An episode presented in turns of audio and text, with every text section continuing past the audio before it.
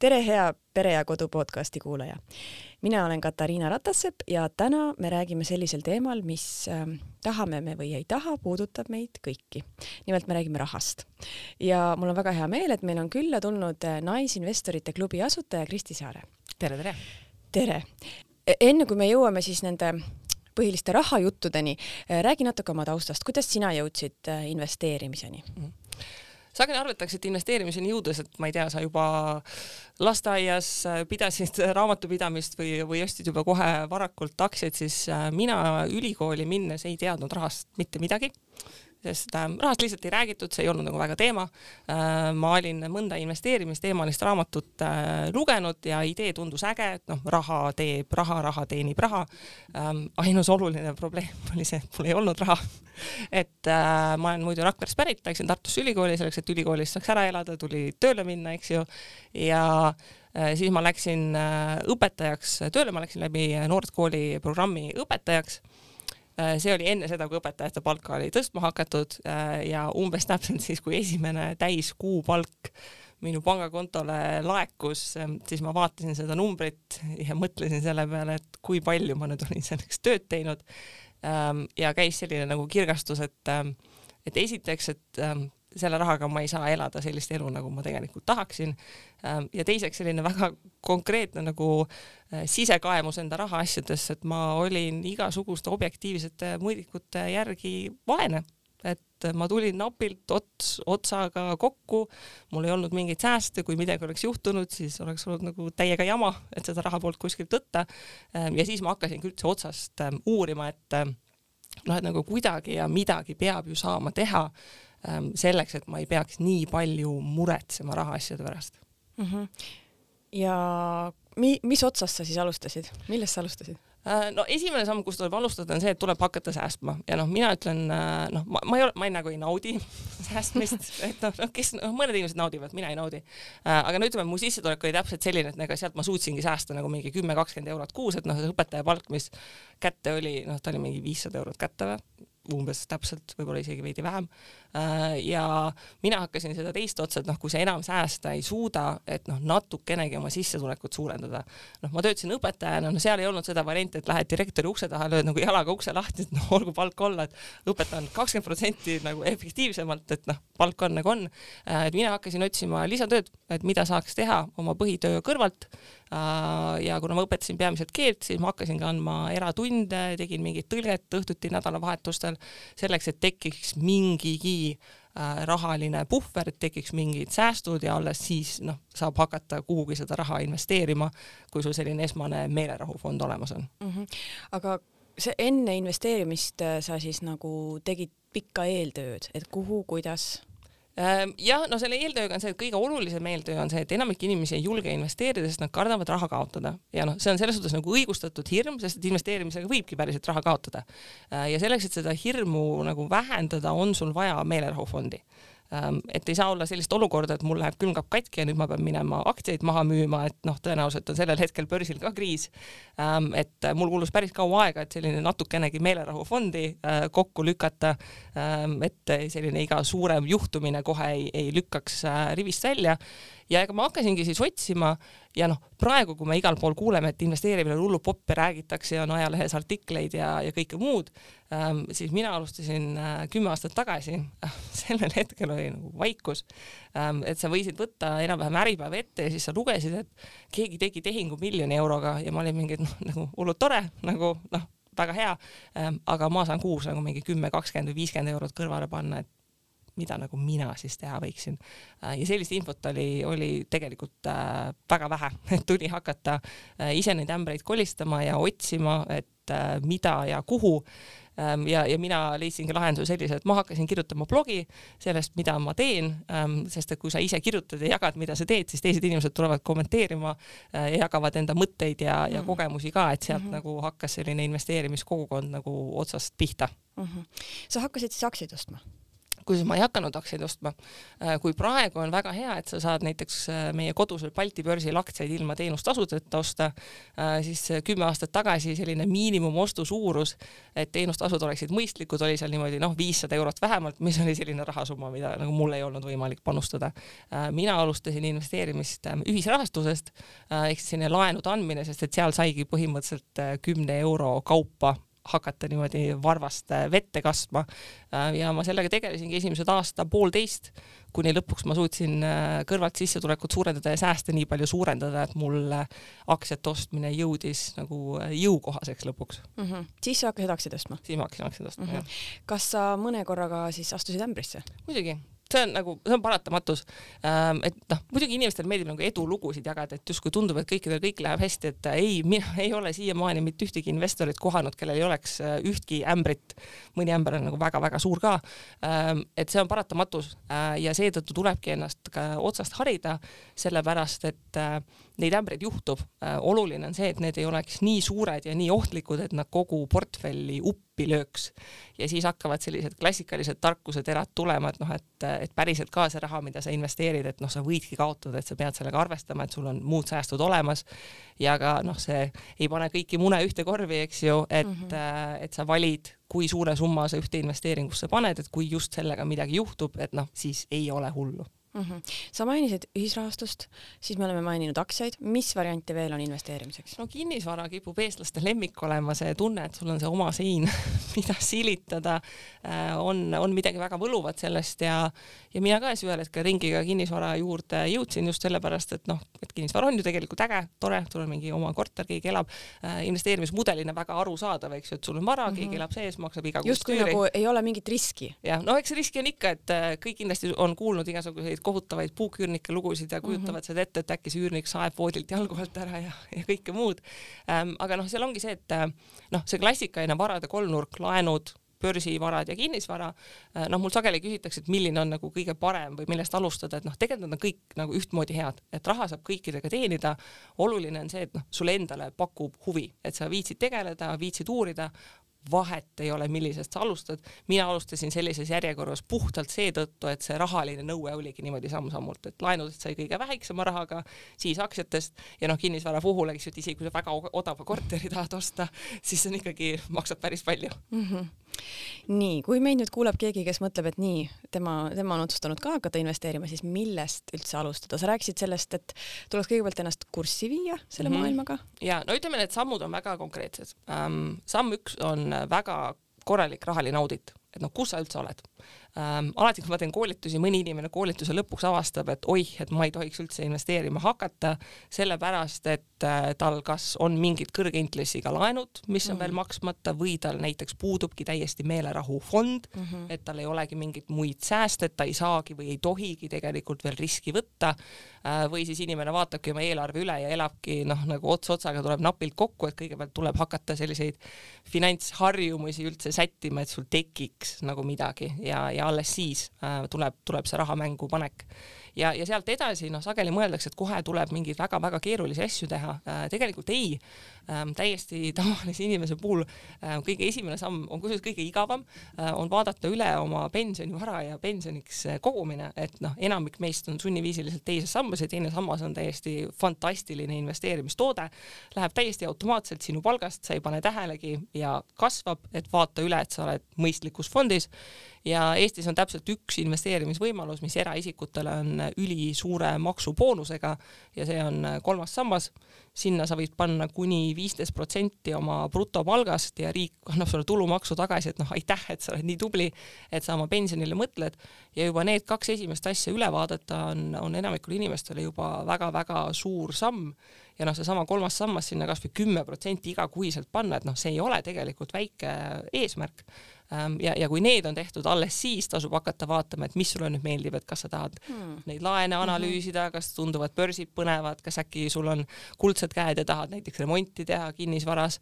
Ähm, et need kõige igavamad asjad tuleb kõigepealt üle vaadata, sest et sealt tuleb tegelikult äh, kohe väga ruttu väga suur efekt nii et kui panna näiteks kümme protsenti sissetulekust, mis on tegelikult väga suur summa võib-olla, sinna pensionifondi, siis noh, ilmselt ei jäägi enam midagi üle kuskile mujale no vaata, seal ongi see, et noh, investeerimisel nagu noh, tükk aega räägi-, noh, kõik üheksakümnendad räägiti, et sa võiksid kümme protsenti panna kõrvale. See soovitus on praeguseks kahjuks aegunud. Praegu juba kõik see rahatarkuse kogukond räägib, et inimese selline miinimumsäästumäär peaks olema kakskümmend protsenti ja kindlasti väga paljud inimesed praegu kuulavad ja mõtlevad nagu appi mm, -hmm. see kakskümmend protsenti on väga palju ja, ja see ongi päriselt väga palju. Äh, noh, selge on see, et mida suurem on su palk, seda lihtsam on säästa. Äh, ja, ja selge see, et mida paremini sa oma kulutusi planeerid, noh, seda lihtsam on samamoodi säästa.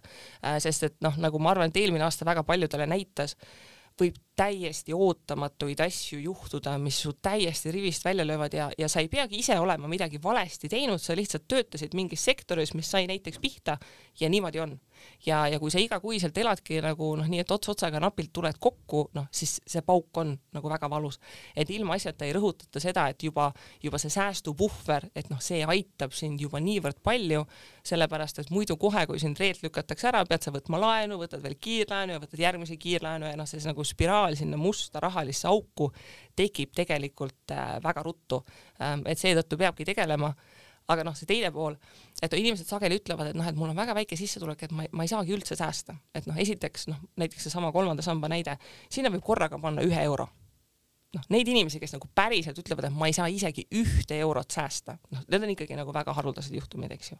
aga teisalt ongi see koht, et kui sa päriselt nagu teedki oma rahalisi inventari ja sa jõuadki selle järelduseni, et et ma ei saagi isegi ühte eurot säästa, et siis noh, samamoodi peeglisse vaadata, nagu mina tegin, ütlesidki, et noh, et nagu ongi täiesti jama, et nüüd on koht kergeks paanikaks, sellepärast et minu nagu see kogu finantsvundament no ei ole isegi mitte kahel kanajalal, vaid, vaid ainult ühel, et väga õrn tuuleiil võib tegelikult kõik uppi lüüa äh, ja see on selline väiksemat sorti kriis, millega tuleb kohe-kohe mm. ja väga kiiresti tegeleda, sest et noh, kahjuks või õnneks äh, me, me ei suuda nagu elu ette ennustada ja mingeid ootamatuseid tuleb niikuinii kogu aeg ja, ja kui sa ei ole selleks äh, valmis, siis noh, pärast sealt august välja kaevamine on palju raskem, kui natukene ettevaatavalt oma finantse planeerida.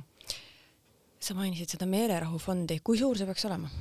Või kas see on igaühe enda nagu tunnetuslik küsimus? meelerahufond, noh, ta on natuke tunnetuslik küsimus, et noh, kui suur rahasumma sulle hea ööune garanteerib, ütleme selline noh, nagu väga-väga-väga-väga-väga absoluutne miinimum on ühe kuu kulutused. Ähm, ja Eestis suurusjärgus kolmandik inimesi elab nii, et neil ei ole isegi seda mm. -hmm. et noh, kui nad kaotaksid töö, vähem kui kolmkümmend päeva hakkab tiksuma.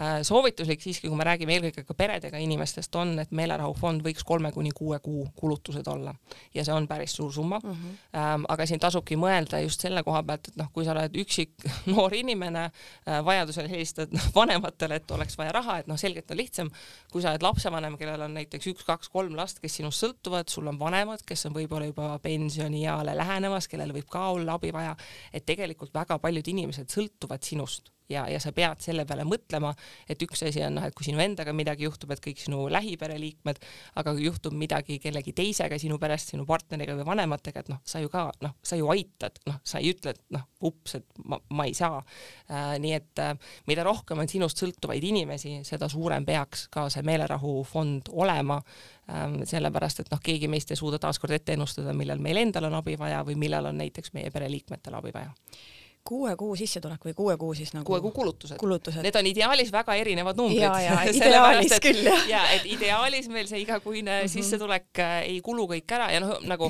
see on ka see koht, et mingid sellised säästuväljakutsed on mul, minu lemmik on selline säästlik veebruar, mille idee on see, et veebruarikuu kakskümmend kaheksa päeva kõige lühem kuu kannatada mm, -hmm. et sa teed aega-ajalt sellise ühe kuu, kus sa tõesti ostad ainult hädavajalikku nagu ainult hädavajalikku ja siis sa vaatad pärast seda eelarvet, et noh, et kui on jama majas, et mis on see summa, millega ma päriselt hakkama saan mm.. sest et me igapäevaselt noh, me suudame endale õigustada kõik asjad mm, -hmm. mida me ostame, et meil on nagu täiega vaja neid mm. -hmm. et noh, no, no täiesti mul on seda vaja, aga kui reaalselt, kui sa kaotaksid töö näiteks päevapealt ähm, usu mind, seal eelarves on asju, mida saab oluliselt kokku tõmmata, et tegelikult see sissetulekute ja kulude vahe on, äh, on siiski piisavalt erinev mm. -hmm. et, ähm, et sellega nagu noh, taaskord, kui sa ei tea, kuhu su raha läheb, siis on ka väga keeruline näha üldse, et noh, millised need äh, säästukohad võiksid olla lapsevanematele, kuidas lapsevanemana seda seda säästliku kuu varianti teha, et kui su laps ikkagi noh, küsib ja tahab ja noh, mingis vanuses ta tahab kinno, mingis vanuses ta tahab noh, mis iganes need asjad on, mida lapsed tahavad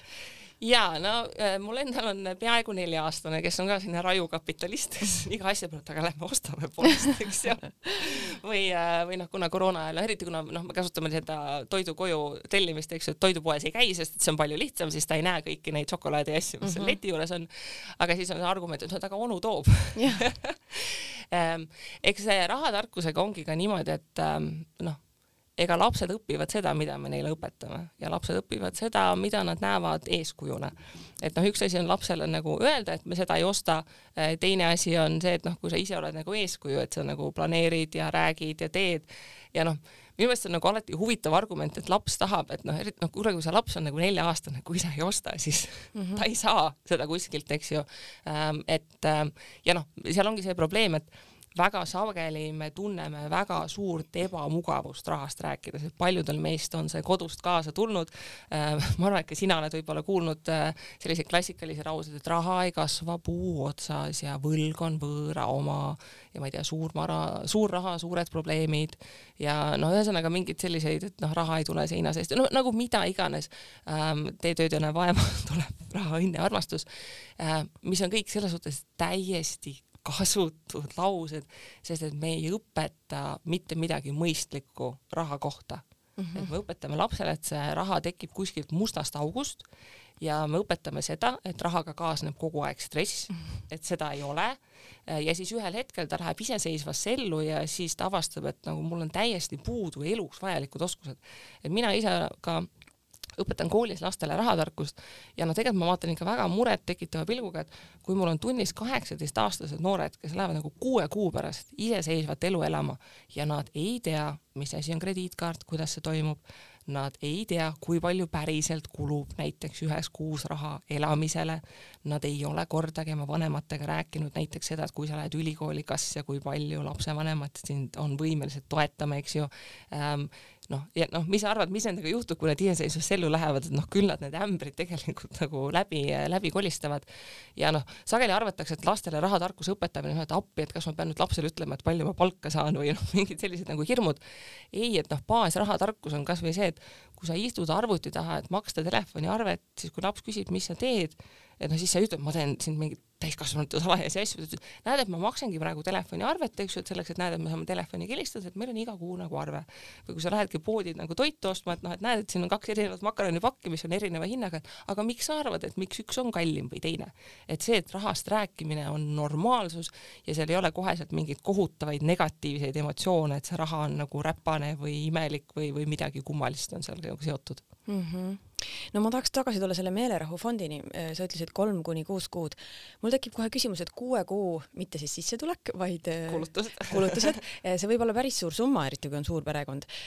et äh, kas on mõistlik nii suurt summat lihtsalt hoida pangakontol, kas inflatsioon ei söösta ära?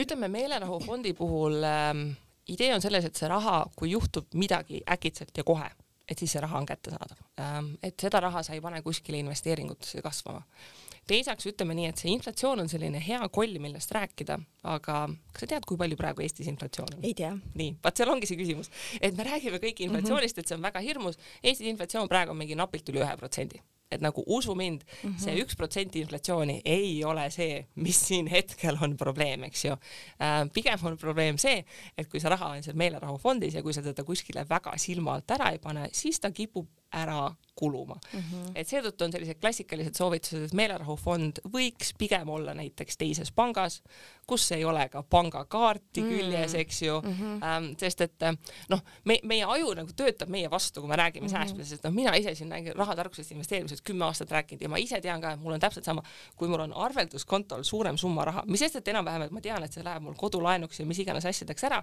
aga ma vaatan seda rahasummat ja mul hakkab mõte jooksma, et äkki mul on ikka midagi vaja ja kohe, kui ma kannan selle raha kuskil ära, kasvõi säästukontoris, ma vaatan, et ahah, et see on see rahasumma, mis mul on elamiseks ja ei hakka mingeid tobedaid utoopilisi plaane tulema, et mul oleks nagu täiega midagi vaja mm. -hmm. et äh, noh, mul on selliseid mentorluskliente, keda on aja jooksul olnud ja noh, sa näed, et inimestel nagu noh, nad käituvad rahaga naljakalt ja, ja noh, me mõtleme nii vähe selle peale, mida me rahaga teeme, et mul oli üks ähm, tore noor ema, kes oli mul mentorlusklient ja ta uuris, et noh, et ma, ma ei suuda oma kulutamist kontrolli alla saada, et noh, täiesti õudne, ma ei saa aru, mis toimub. ja siis me temaga rääkisime, mis siis lõpuks tuli välja, et noh, et äh, tal oli noor beebi, kellega ta tublilt käis kärutamas, sest et laps magas ainult kärus. aga talvisel ajal, kui väga külm on, kus sa kärutad, eks ju, noh, lõpuks kärutas kaubanduskeskuses. ja siis mõtle, kui mitu tiiru sa pead kärutama ühes kaubanduskeskuses, enne kui sul tuleb mõte, äkki mul ikka on midagi vaja või et sa kõnnid sealt kuskilt lasteriiete nunnust poest nagu mööda mm -hmm. kolmandat korda ja siis hakkad vaatama, no ma ei tea, et see äkki on see, mida oleks mm -hmm. nagu vaja. et noh, me, me teame, et meil on nagu triljonite väärtuses reklaamitööstus, mis nagu eesmärk on see, et sa läheksid poodi ja ostaksid asju, millest uskuge mind, neid kõiki ei ole vaja. Ehm, et lihtsalt nagu tähelepanelikult vaadata, et see raha, mida sa kuskile suunad ja, ja kulutad, kas see pakub su elusse nagu päriselt väärtust, kas seda on sul vaja või pigem on see, et sa ostad selle ära sa kuu aja pärast ei mäletagi või pärast oled veel endast pettunud, et appi, et miks ma sellise mõttetu asja ostsin või siis veel hullem, pärast on sul riiulil mingi nipsasjake, millele siis tuleb veel lisaks tolmu ka pühkida ja siis iga kord, kui tolmu pühid, siis mõtled, et no nagu miks mul see asi siin kodus on, eks ju mm. -hmm. no ma just mõtlesin, et selle meelerahufondi peale, et, et sa, sa pead selle, kui see on loodud selle jaoks, et kui midagi väga on vaja, no aga sõbranna pulm ja mul on vaja mm -hmm. uus kleit osta. ja et äh, tegelikult soovitus on see, et noh, Eestis me oleme jõudnud nii kaugele, et me räägime meelerahufondist äh,. tegelikult soovitus on see, et ega neid fonde võib olla mitu, tänapäeval pangas mm -hmm. eri pangakontosid vajuta nuppu, et teed uue pangakonto, paned uh, uue hüüdnime. noh, näiteks minul on nii eraldi meelerahufond, aga mul on eraldi ka näiteks kinnisvarafond. kinnisvarafondi idee on see, et noh, kui sa elad korteris, majas, mis iganes, iga natukese aja tagant läheb midagi katki. et noh, ei ole niimoodi, et no täiesti ootamatu, et külmkapp läks katki. no kakskümmend aastat töötas, et noh, kes oleks võinud uskuda, et ta nagu lõpetab töö. noh, me ju teame, et mhm. mingid kulutused regulaarselt tulevad ja mul ongi eraldi nagu selline kodufond, kuhu ma panen nagu raha, et ei ole niimoodi, et kui külmkapp läheb katki, et noh, et see on nagu tohutu katastroof, vaid ma tean, et mul ongi eraldi kodufond selleks, et vahetada mingit kodutehnikat või, või asju välja, et neid erineva nimega fonde võib väga palju olla ja mõnel inimesel toimibki see, et tal ongi näiteks eraldi konto, mille nimi ongi puhkusekonto mm -hmm. või remondikonto või hariduskonto või mis iganes ja siis ta näebki, et noh, et see on täpselt see raha, mis mul on selle asja jaoks, et mitte, et on see üks nagu pott säästud, mis on selline nagu hullult hägune, et noh, mille jaoks ongi, mille jaoks ma seda kasutan ja mille jaoks mitte, et noh, et kui ma tahan reisima minna, et seda raha ei tohiks meelerahufondi võtta, meelerahufondist võtta, aga noh, kuidas siis, noh, teegi eraldi konto, panegi nagu meie pere suvine puhkusereis ja hakkadki sinna koguma, eks ju mm. -hmm.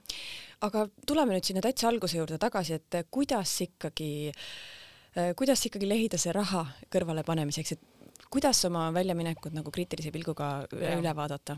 ja tavaline selline kulutuste ülevaatamine on see, et kuu lõpus vaadatakse üle ja siis vaadatakse, et nojah läks nii. Mulle tundub, et sulle tuttav, et kuulab seda, on nagu läks nii, läks nii, eks ju.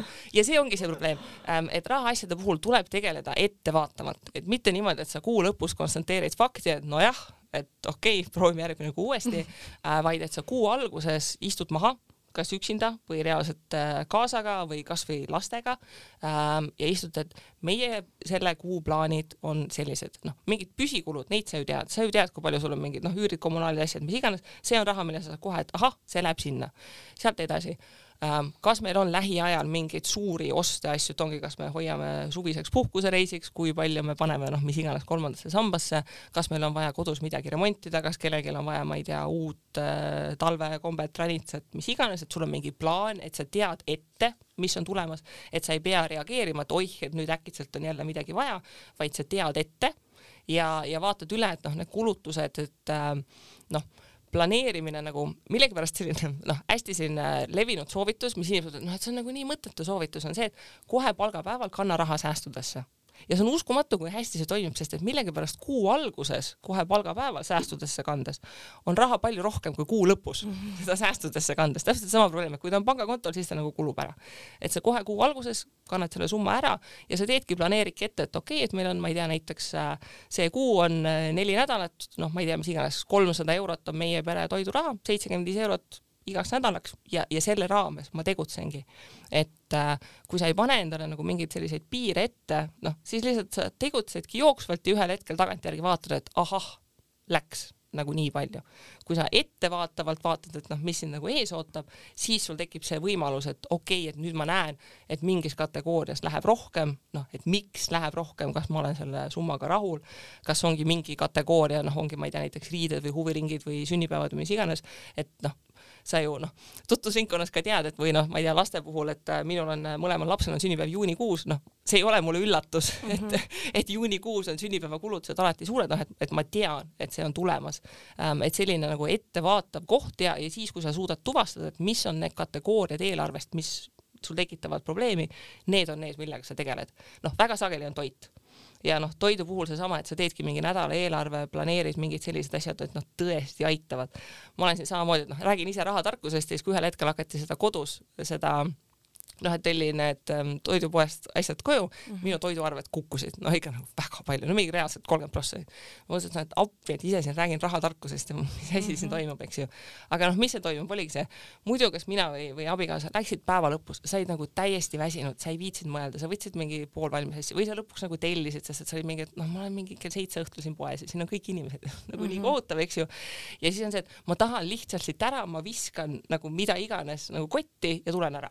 ja kohe, kui sa hakkad tellima, noh, seda tellimust kokku panema, et esiteks sa ei jaluta seal riiulite vahel, vaid sa pead nagu noh, trükid sisse, eks ju, või enam-vähem alustadki, et okei okay,, alustan sooduspakkumistest, et mis nagu siin hetkel on, ähm, et tasub teha enda käitumisega heade rahaotsuste tegemine lihtsaks mm. -hmm et see on nagu see põhiidee, et mitte, et sa tekitad stressi, et ma nüüd iga euroga pean hakkama mõtlema, et mis ma nüüd teen, kas ma säästan või kulutan, aga et sa üritadki enda rahaasju planeerida nii, et see võimaldab sul võimalikult lihtsalt teha häid otsuseid mm. -hmm. tühja kõhuga poodi ei lähe. no täpselt ja kõik on mingid, ah, et noh, mis tühja kõhuga poodi ei lähe, aga nagu noh, ilma asjata seda ei soovitata, sest et see päriselt ka toimib mm. -hmm. või see, et ilma nimekirjata poodi ei lähe mm, -hmm. eks ju.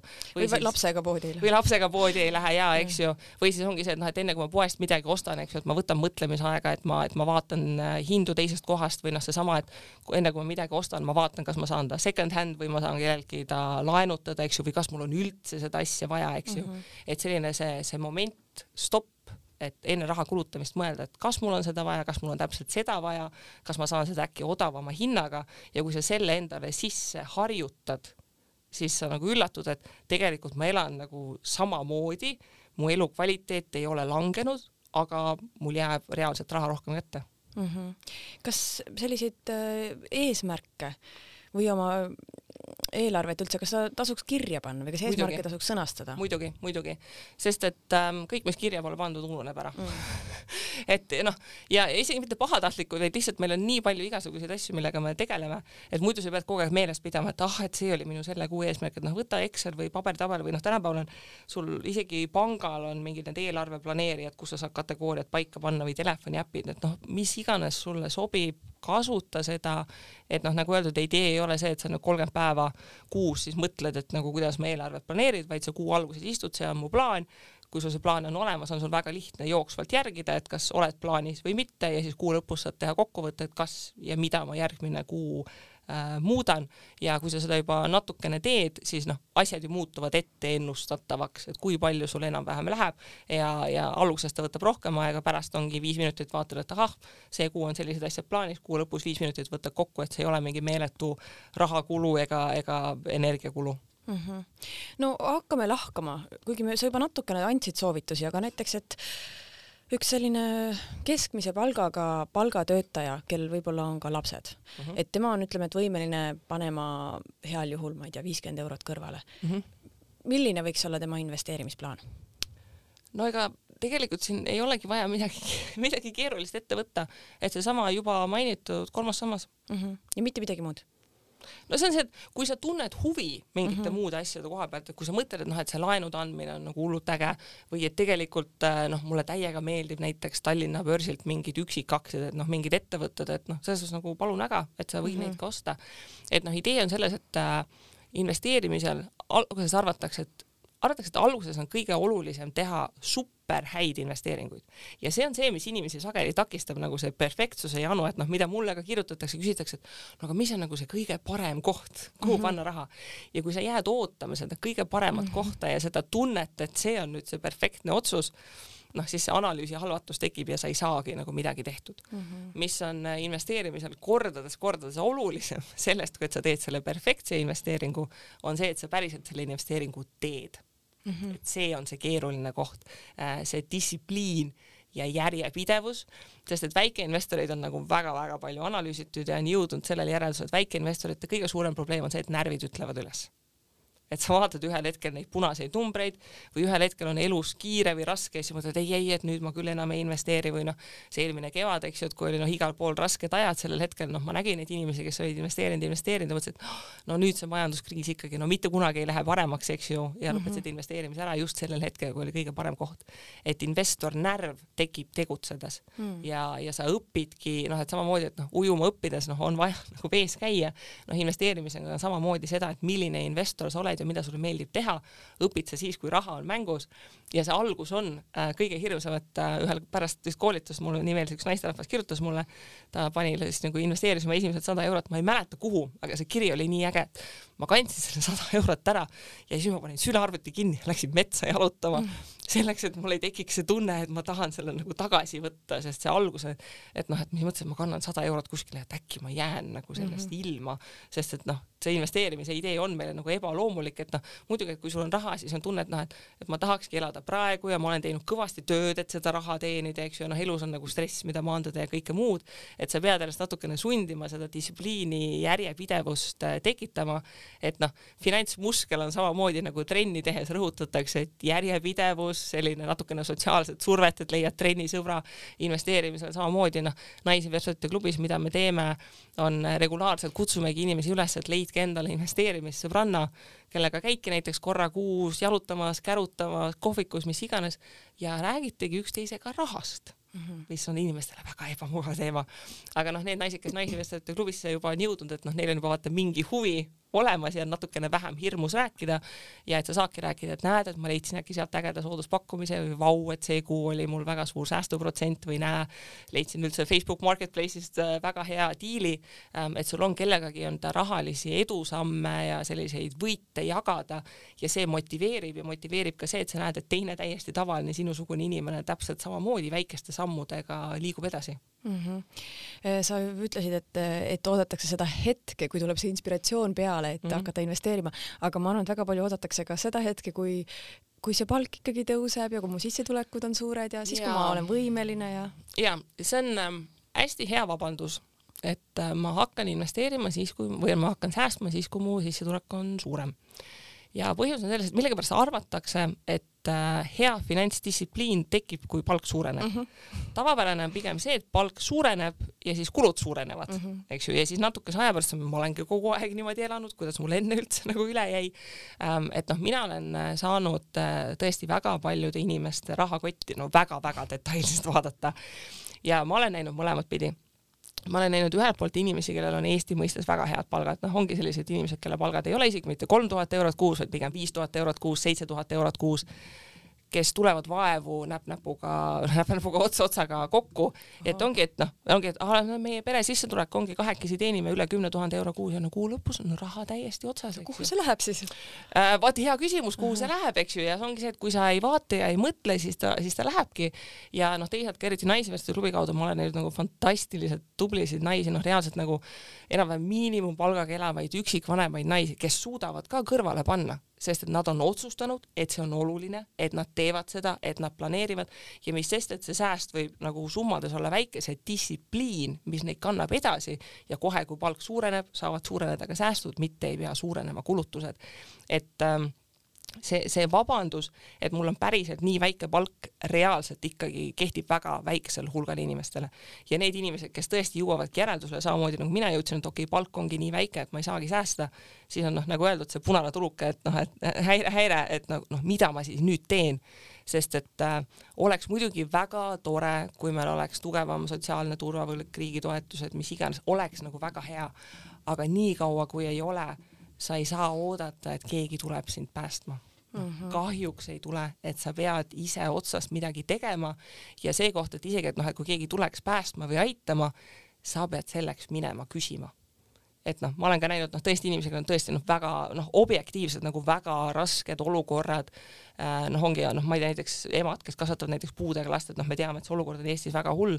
noh, aga see ongi see, et sul on näiteks kasvõi see kohaliku linna või KOV-i see sotsiaalosakond, et äh, noh, aga koha, väga tihti sa pead minema päriselt abi küsima mm -hmm. selleks, noh, et keegi ei tule koju otsima ja pakkuma tavaliselt äh,. et mingi selline ise peale hakkamine ja tegutsemise samm peab olema aga noh, ütleme, et noh, kui, kui sina praegu kuulad seda podcast'i, noh, siis tõenäoliselt sul on võimalik midagi ära teha mm. -hmm. et isegi kui see algus ongi kasvõi kümme eurot kuus, siis noh, kümme eurot kuus nagu aasta pärast ongi, kui ta on sada või sada viiskümmend eurot, siis noh, see on rohkem kui null ja vähemalt on see distsipliin, et sul ei ole vähemalt suur, suurenenud seal võlad, et midagi ikka hakkab teha. ja noh, see ongi see distsipliini koha pealt, et eriti kui sa alustad sellest august, noh, see algus on nüri, noh, seal ei ole mitte ühtegi ilusat sõna. ta ongi nüri, ta ongi, sa teed ja teed ja vaatad, noh, noh, kus, kus mu miljon juba on et ma näen vaeva ja pingutan. ja see ongi see probleem, et see alguses pingutamine sealt august välja saada et see pall hakkaks kiiremini veerema. see ongi raske, see võtabki aega, ka, ka mul on olnud inimesi minu käe all, kes ongi noh, näiteks, näiteks äh, reaalselt kolm-neli aastat kaevanud ennast ainult võlgadest välja, et mm. jõuda nulli ja siis nad alles saavad kuskile edasi minna.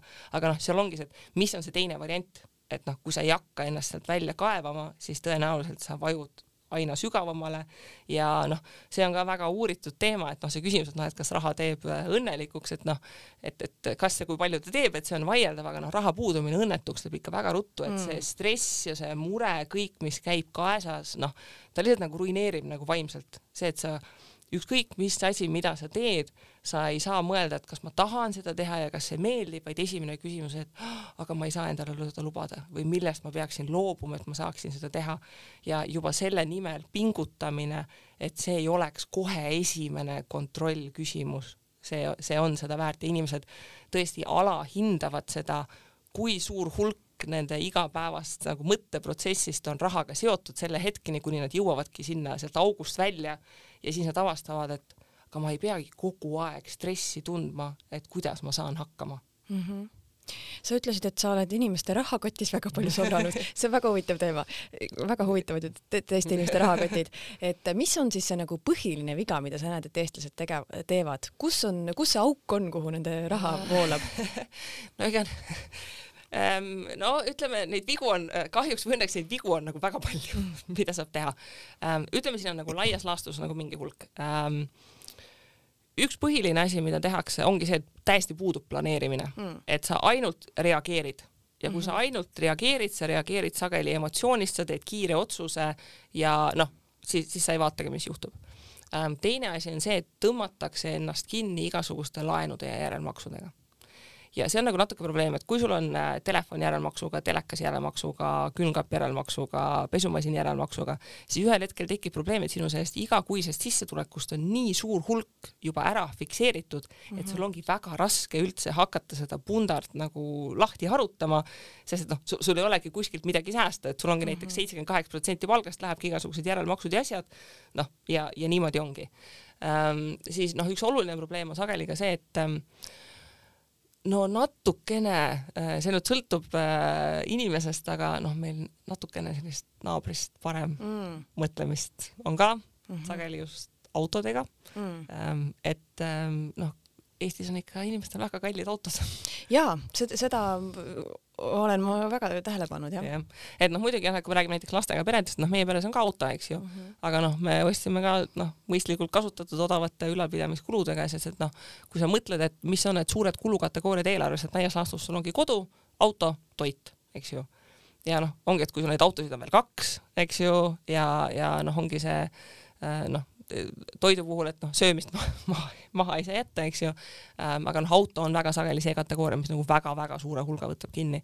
et ähm,, et just, et see koht, et äh, kui palju sul reaalselt igakuiselt on seda raha, mille üle sa saad otsustada et noh, kui sa saad tuhat eurot palka, siis sul võib tekkida tunne, et okei okay,, mul on tuhat eurot, mille üle otsustada.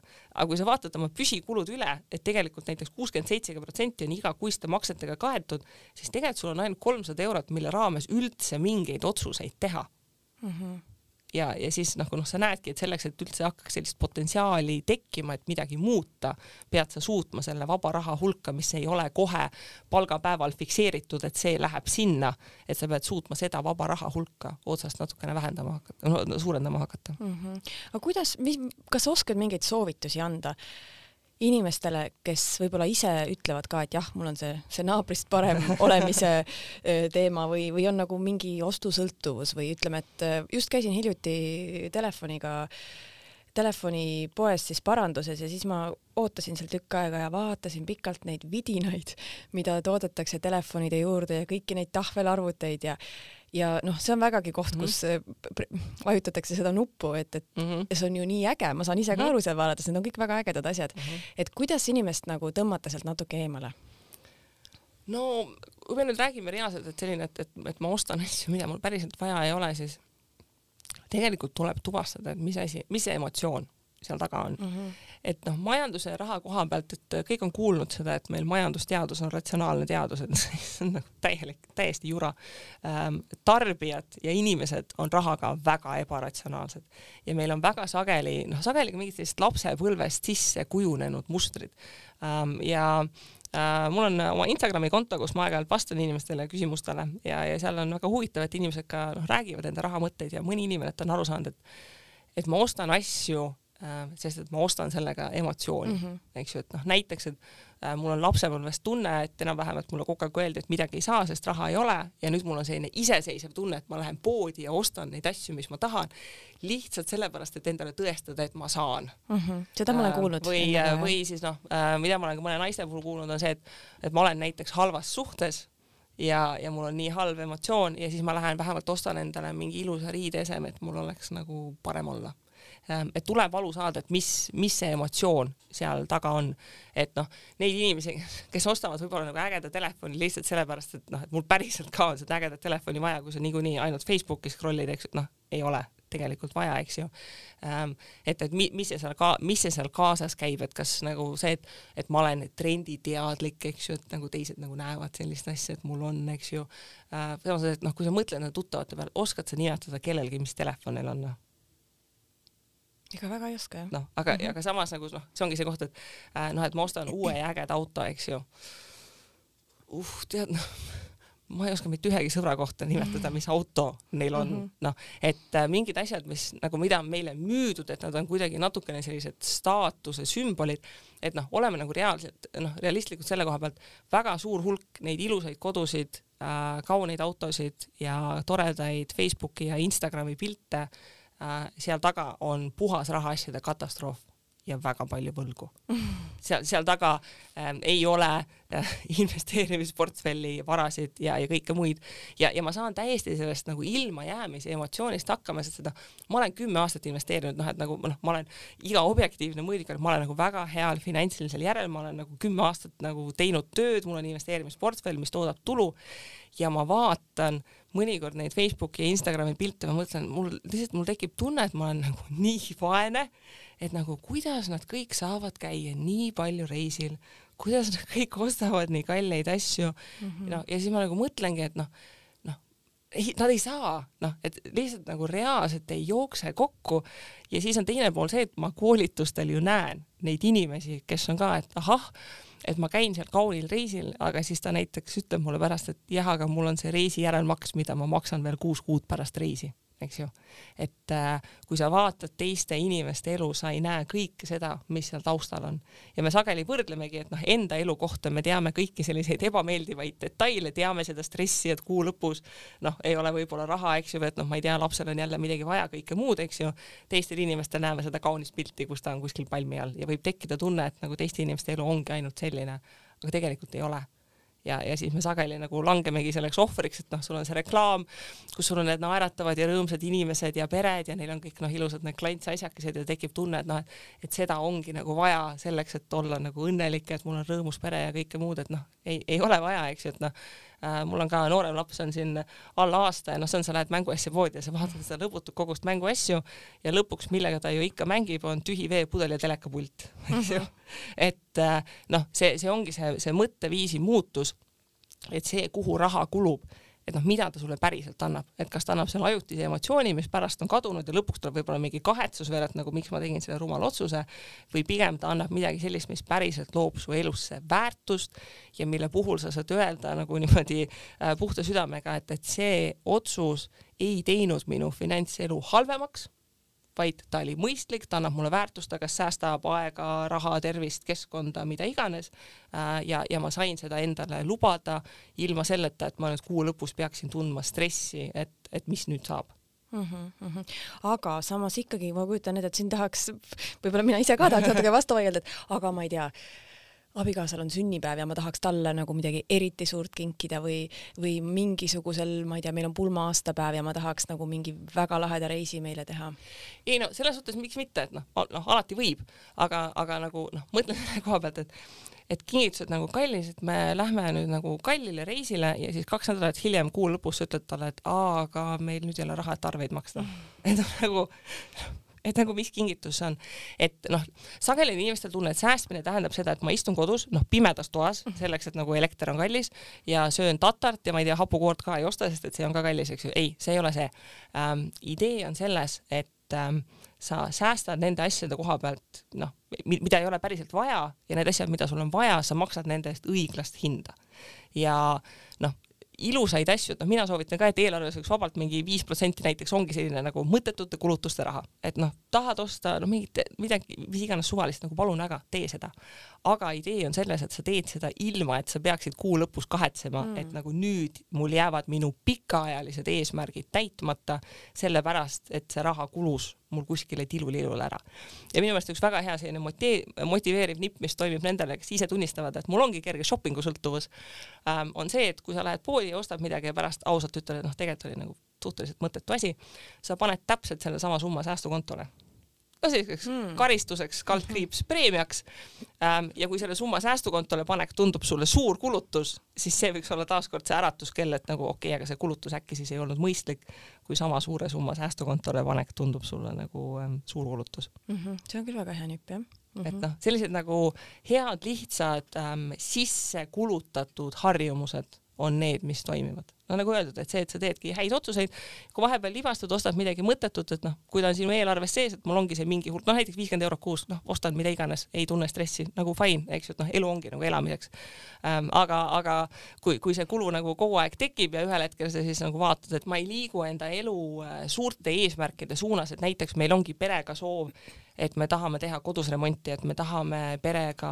reisida ähm, ja kui sa noh, kuu lõpus või aasta lõpus või kvartali lõpus vaatad, et me ei ole sellele eesmärgile sammugi lähemal, et siis on nagu see küsimus, et noh, aga mis siis päriselt sinu jaoks oluline on? Mm -hmm. et noh, kas need kulutused, mille puhul sa pärast vaatad, et tegelikult mul ei olnud vaja, või siis need päriselt suured eesmärgid, mis sa tahad teha. Et noh, mingi hetk see valik tuleb teha ja see investeerimise mõtteviis ja see korras rahaasjade mõtteviis on see, et mul on mingid suuremad eesmärgid plaanis, mida ma tahan täita ja ma olen nõus elama praegu alla oma võimete, sest et see annab mulle kindluse, et kui elus läheb midagi kehvasti või ootamatult, eks ju, et ma olen selleks valmis ja see annab mulle selle, äh, et tulevikus Äh, ma tean, et mu rahaasjad on korras ja pigem lähevad kogu aeg paremaks, sest et ma kontrollin seda olukorda, ma planeerin seda olukorda ja et see investeerimisportfell hakkab ka otsas kasvama mm. -hmm. ma arvan, et selle shopping'u sõltuvuse äh, raviks võib tihti olla ka midagi, mis peletab igavust, sest ma arvan, et see võib tihti olla ka igavusest või no näiteks see, et sa ootad linnas midagi ja selle asemel, et sul on pool tundi vaja aega parajaks teha, sa jalutad poodi, aga kui sul on raamat kotis, siis sa võid istuda pargipingil ja lugeda raamatut. Äh, ja, ja või noh, ma ei tea, nutitelefonis on Kindli äpp ja loed midagi telefonist, noh, mis iganes, et äh, noh, mõnikord lihtsalt saab, mõnikord lihtsalt saab endal nagu kuidagi mõte otsa ja siis me lahendame seda mm -hmm. sellega, et me kulutame raha mm. -hmm võiks raamatukokku minna näiteks? no ja võiks ja. minna raamatukokku, võib minna, ma ei tea, metsa jalutama mm, -hmm. mängid lastega, noh, noh, ma ei tea, teed kapi, lähed enda kappi shoppama, avastad, et seal on mm -hmm. mingi hulk riideid, mida võib-olla pole tükk aega kandnud, et äkki, äkki võiks midagi teha nendega. et äh, mõnikord lihtsalt ongi mõtted otsas ja noh, see on ka okei okay,, et noh, kui ongi nagu elutöö, lapsed selles suhtes, et noh, ei olegi aasta aega beebi kõrvalt maganud, noh, ei saagi nagu mingit väga innovatiivset mõtet tulla äh,. et siis tasub teiste pealt selles suhtes spikerdada. et meil on Eestis õnneks väga mitu sellist suurt rahatarkuse kogukonda Facebookis on näiteks on selline väga suur grupp, mille nimi on kogumispäevik, mille eesmärk ongi raha säästu nippida, et neil ongi iga kuu mingi eraldi teema, et noh, näiteks ongi üks kuu oligi nagu noh, mingi kodukuu, et kuidas nagu kodus asju nagu mingeid kulusid säästa. noh, ise ei viitsi ka kõiki asju välja mõelda, ma aeg-ajalt käin ka seal lugemas, et aa, et see on mingi selline asi, mille peale ma ei olegi nagu mõelnud, et noh, mine ja nagu spikerda, et kui endal ei tule ükski head mõtet, mida teha, seal on tavaliselt üks kuu on mingi ongi mingi ürituste asjade teema, et kuidas tasuta veeta aega ja noh, endal ei tulegi võib-olla nagu mõtet, et mida võiks teha, aga sealt vaatad, et ahah, et noh, ma ei tea, mul on ka, et noh, mõnikord mõtlen ka, et noh, lastega pead mingile kuskile kallile mängumaale või mis iganes minna, et noh, minu laps on sama õnnelik, kui ma teen nagu võileiva ja siis lähen nagu mänguväljakule, siis meil on seal minipiknik ja tema arust on nagu mm -hmm. selline kogemus ja selles suhtes nagu null kulu, eks ju, et, ähm, et tasub teiste häid ideid äh, võtta üle ja, ja noh, vaadatagi, et äh, noh, kõik need asjad, mis ma teen, et noh, maailmas on väga palju, no nagu enamik häid asju äh, on tegelikult äh, täiesti tasuta mm.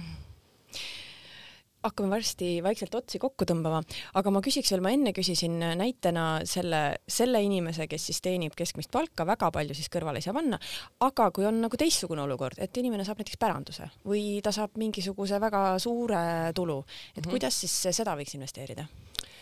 No selliste väga suurte pöördeliste rahaliste sündmustega, pärandused, lahutused, lotovõidud, minu juurde on üks lotovõitja jõudnud. Mm ma olen nii, ma olen aastaid nagu rääkinud ja ma olen nii õnnelik, et lõpuks üks lotovõit jõudis minu juurde nõu küsima.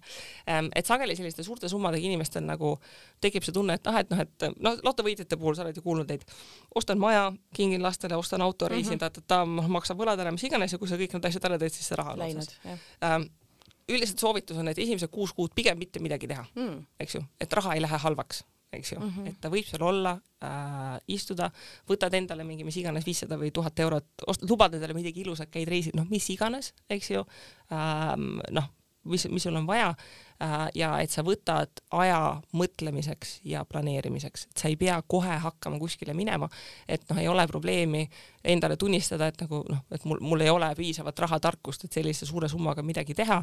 meil on Eestis neli väga head eestikeelset investeerimisraamatut Eesti investorite poolt kirjutatud ähm,. mine raamatukokku või raamatupoodi, osta kas üks, kaks või kõik neli, loe rahulikult läbi, et sul tekib üldse mingi ettekujutus sellest maailmast. et noh, meil on sageli ettekujutus, et on nagu väga palju vaja teada selleks, et investeerida, et, et noh, ei ole väga palju vaja, aga noh, midagi on ikka, sest et muidu sa lõpuks noh, need ämbrid kolistad ära ja õppetunnid saad ise kätte. Ähm, et noh, tasub natukene lugeda teiste kogemusi, arutleda, uurida ähm, ja, ja siis hakata tegutsema, et ei ole vaja kohe kuskile ruttu äh, kiirustada sest et ähm, noh, miks mina ka, mulle väga meeldib see väikeste summadega alustamise idee on see, et väikeste summadega alustades õppetunnid väga odavad hmm.. kui sa investeerid sada eurot ja jääd ilma, siis okei okay,, noh, jääd ilma.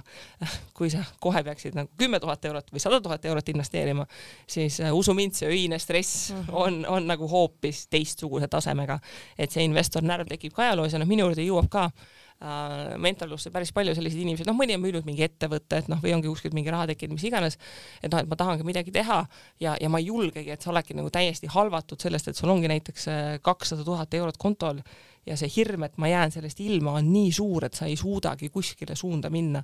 ja, ja väga sageli ei olegi isegi mitte teadmistes puudu, et need inimesed tulevad ja neil on jumala mõistlik investeerimisplaan. Neil on vaja, et keegi ütleb neile, et äh, jah, et see on okei okay, ja sa tõenäoliselt sellega ei tee midagi valesti et sa mhm. ei jää sellest rahast ilma, et sa võid hakata otsast tegutsema. sest enamikel inimestel ongi see probleem, et neil ei ole mitte kellegagi rahast või rahaasjadest rääkida mm -hmm. ja siis sa üksinda mõtledki, et no ma ei tea, et nagu mul on selline plaan, aga, aga äkki on siin midagi nagu väga olulist, mis ma olen ära unustanud või äkki siin on mingi maksuküsimus või noh, äkki on midagi nagu täiesti valesti ja noh, sellepärast ongi needsamad kasvõi need Facebooki grupid, et noh, et sa saadki sinna minna, panna oma, oma küsimuse ja teised inimesed avaldavad arvamust ja noh, igaüks nagu niimoodi õpibki või kui sa ei julge küsima minna, siis mine lihtsalt lugema, et juba vaikselt sinna Facebooki newsfeed'i hakkavad nende ilusate puhkuste piltide ja müüdavate autodega sellist rahatarkusinfot äh, ilmuma äh,, mis ka, sa võid isegi üllatuda, et kui sa nagu natukene teadlikult hakkad jälgima, et juba kuu aja pärast vaatad, et nagu vau, et ma juba tean mingeid selliseid mõisteid ja asju, millest mul kuu aega tagasi ei, ei olnud veel aimugi mm. -hmm. no ma siis lõpetuseks küsikski, et mida sa soovitad äh, vaadata, lugeda, kuulata? Äh, ja no vaata, sõltubki kellele, mis meeldib. noh, esiteks ma soovitan äh, Facebookis on kolm suurt sellist rahateemalist gruppi, kus, kes Facebooki asutajad võivad olla, on seesama kogumispäevik, naisinvestorite klubi ja finantsvabadus, kus igapäevaselt tavalised Eesti inimesed rahaasjadest räägivad Äh, kellel meeldib kuulata, siis näiteks äh, mina ja Tauri Alas teeme sellist podcasti nagu investeerimisraadio, kus me räägimegi täiesti väikeinvestoritele suunatud infost. Ähm, kes, kes tahab lugeda, siis näiteks selline raamat nimega Rikkaks saamise õpik. Äh, mina ise olen kirjutanud raamatu Kuidas alustada investeerimisega, mis ongi täpselt see, et kui tundub hirmus, siis see on võib-olla selline kõige lihtsam alustamise koht. selline natukene põhjalikum, selline raamat nagu Rahaedu põhimõtted.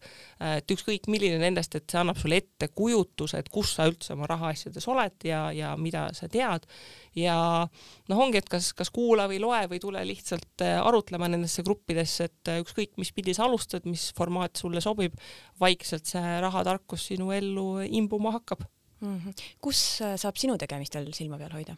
Äh, mina kirjutan enda blogi, äh, blogi ongi kristiinvesteerib.ee ja mul on ka sama nimega Instagrami konto, kus ma vastan jooksvalt inimeste küsimustele, mis tuleb, et kõik saaksid äh, raha targemaks. et jagangi seal enda õppetunde ja, ja kogemusi, et et kui alustada, siis noh, alati küsitakse, et millal see kõige parem alustada on, et nagu praegu et päriselt ka praegu ja kui muidu öeldakse, et noh, et ah, kümme aastat tagasi, noh jah, muidugi, kui sa oleks kümme aastat tagasi alustanud, oleks sul väga palju raha, aga kümme aastat tagasi ei olnud nagu ligilähedaseltki sellist infot, mis praegu, praegu sa trükid eesti keeles Google'isse küsimuse ja sul tuleb eesti keeles vastus, keegi on kirjutanud, läbi kogenud, mis iganes. Ähm, et selle koha pealt on tõesti fantastiline võimalus alustada, et meil on toetav kogukond, meil on väga palju materjali ja igasugused teenustasud, asjad, et noh, tõesti alusta kasvõi ühe euroga, et seda vabandust, et mul ei ole raha, teadmist, oskuseid, no ei ole enam vabandus, ühe euro sa leiad selleks, et see ots lahti teha ja siis saad ju puhkelt öelda, et näed, ma olen juba investor, üks euro on juba turgudel mm. -hmm. aitäh sulle! palun! Aitäh, armas kuulaja, et meid ära kuulasid. meie laat-, meie saated on leitavad Spotify'st, iTunes'ist, SoundCloud'ist ja teistest suurematest podcast'ide rakendustest